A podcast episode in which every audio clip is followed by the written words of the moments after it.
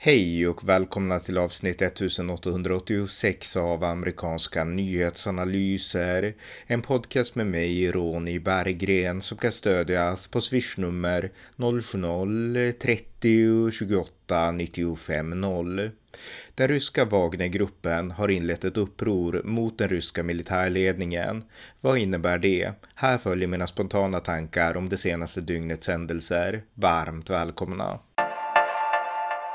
Ja, förra året så kommenterade jag, likt alla andra, ofta och återkommande det pågående kriget, invasionskriget av Ukraina från Ryssland då, den första storskaliga militära invasionen sedan andra världskriget. Men sedan dess har jag trappat ner på mina kommentarer och min rapportering om kriget i Ukraina och fokus, inte bara hos mig utan hos många, har förflyttats. Och den primära orsaken till att det fokuset har förflyttats beror förmodligen på att Ryssland, det har gått dåligt för Ryssland i Ukraina. Eh, Ukraina har, tack vare väst västerländskt stöd kunnat stå emot Ryssland. Ryssland har grävt ner sig själv i Ukraina. Deras militära resurser är utarmade och om man förra året kände att eh, hjälp, vad händer? Ett storskaligt krig i Europa. Kan Ryssland gå längre? Kan de gå vidare från Ukraina in i Europa? Kan Ryssland utgöra ett hot mot till och med Sverige?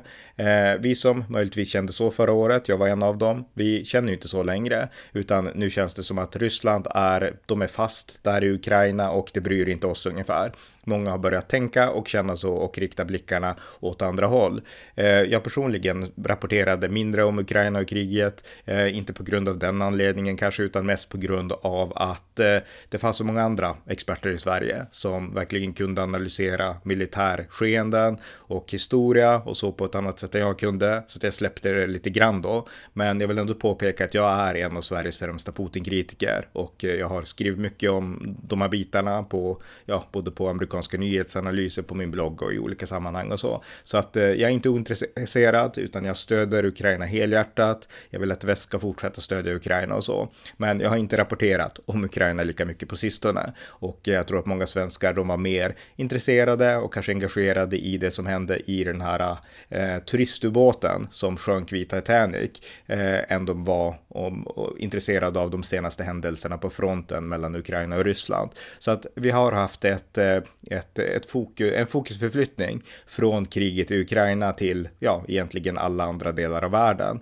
Men nu har det hänt en sak det senaste dygnet som gjort att, intresse, att, att intresset för Ukraina och för Ryssland och hela den här konflikten återigen har riktats mot öster och eh, det beror på att eh, det har skett ett uppror i Ryssland det senaste dygnet och det upproret det leds av Wagnerstyrkans eh, ledare eh, Seveg Sevegny eh, Prigozjin, han leder då den här eh, paramilitärgruppen, Wagnergruppen, som är en paramilitärgrupp som i grund och botten eh, indirekt leddes av Putin personligen. Alltså hela den här ryska maktapparaten kretsar ju egentligen helt och hållet kring Putin. Det här är Putins nation Ryssland, det är viktigt att komma ihåg det.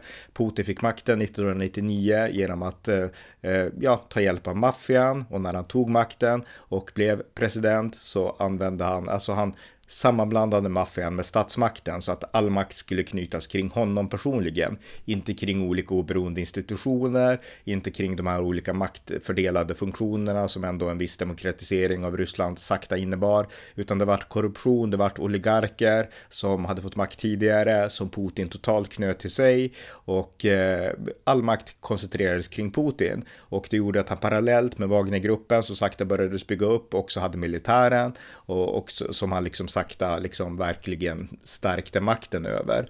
Så att allting är ju ett, spindelnät egentligen under Putin och det spindelnätet har inte alltid kommit överens med varandra och de senaste månaderna, alltså under Rysslands ockupationskrig av Ukraina, så har Wagnergruppen eh, kommit att bli allt mer kritisk till den ryska militärledningen. Och eh, Wagnergruppen använde sig av Ryssland i mångt och mycket, till exempel när man tog Krim 2014 i början av kriget i delar av östra Ukraina. Och Wagnergruppen är ingen snäll grupp, det är en grym, fruktansvärt brutal grupp. Ni minns kanske i januari 2022, alltså innan den ryska invasionen av Ukraina hade ägt rum. Då pratade man mycket om att Wagnergruppen skulle resa till Mali.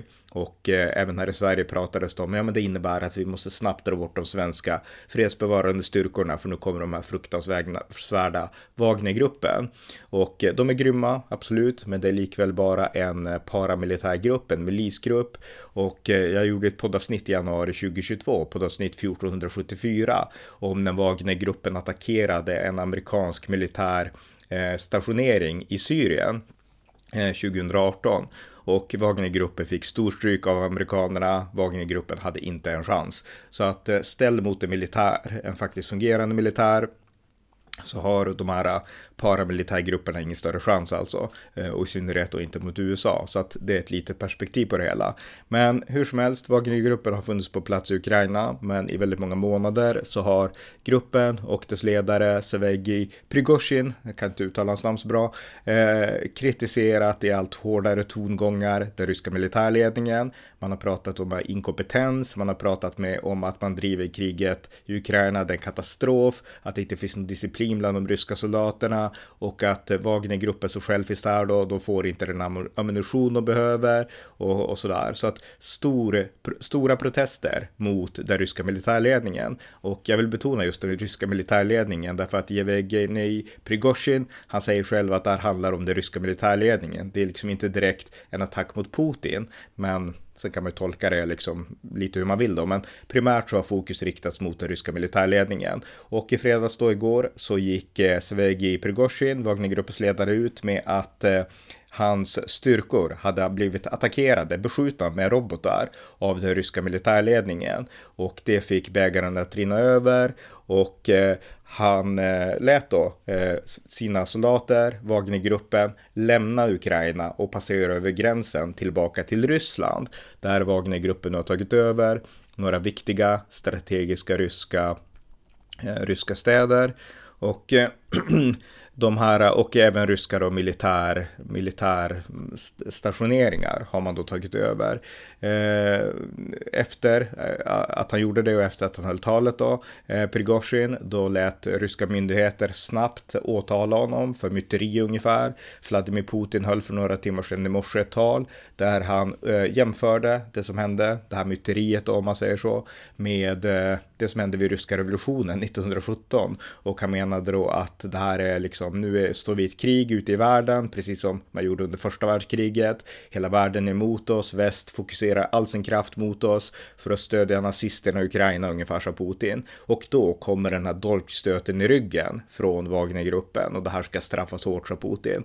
Så att nu har den ryska militären börjat Eh, Eh, ja, man har ju fått skifta fokus. På sociala medier så har alla, eh, liksom alla, även de här guvernörerna i Donbassområdet i Ukraina, som inte har någonting att tillföra egentligen, till liksom guvernörer borta i Irkutsk, borta i Asien och eh, olika politiker, ledare i duman. De har varit jättetydliga på sociala medier med att vi stöder Vladimir Putin och sen de säger ju alltid hela hans namn där, Vladimir Vladimir och sen så säger de hans namn.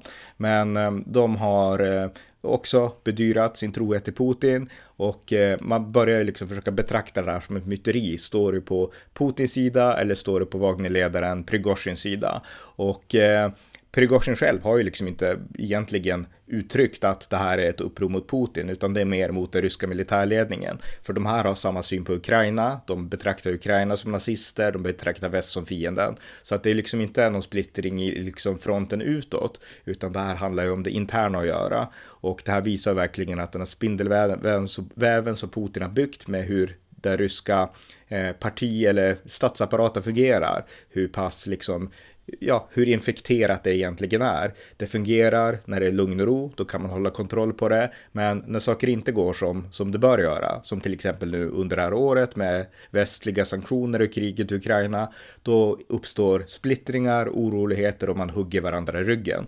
Så att eh, det är det som har hänt nu, liksom ett eh, Ehm, det system som är uppbyggt fungerar inte när det krisar. Det är det vi kan ta lärdom av från världen. Och eh, som sagt, den ryska militären har nu befäst Moskva för man är rädd att Wagnergruppen som nu har tagit över, som sagt, vissa städer där på liksom gränsen mellan Ryssland och Ukraina upp mot, ja, alltså på den ryska sidan och på vägen upp mot Moskva. Man, man är rädd då att de ska marschera vidare och eh, ja, vi får se vad som händer. Jag har som sagt svårt att tro att Wagnergruppen skulle verkligen kunna på något sätt ta över Moskva eller någonting. Det köper jag inte, utan eh, Eh, det här är förmodligen, alltså om Ryssland vill slå till hårt så besegrar man Wagnergruppen skulle jag säga. Men vad det här verkligen är, det är ju en distraktion från kriget i Ukraina. För jag menar, nu kan man inte fokusera på kriget i Ukraina, utan då måste man fokusera på den interna säkerheten, på Wagnergruppens uppror och eh, det skapar ju ett gyllene tillfälle för väst. Och eh, Ukrainas president eh, Volodymyr Zelensky, han släppte ett meddelande, ett uttalande om den här händelsen och han sa så här bara för någon timme sedan. Ryssland har länge kunnat maskera sin svaghet och sin dumhet med propaganda, men nu är det så mycket kaos att ingen nivå av lögn kan dölja det. Rysslands svaghet är uppenbar. Ju längre Ryssland håller kvar sina trupper och legosoldater på vår mark, desto mer kaos, smärta och problem kommer man att skapa för sig själv. Det är också uppenbart, sa Zelensky. Så att eh, det var eh, Ukrainas president Volodymyr Zelenskys uttalande.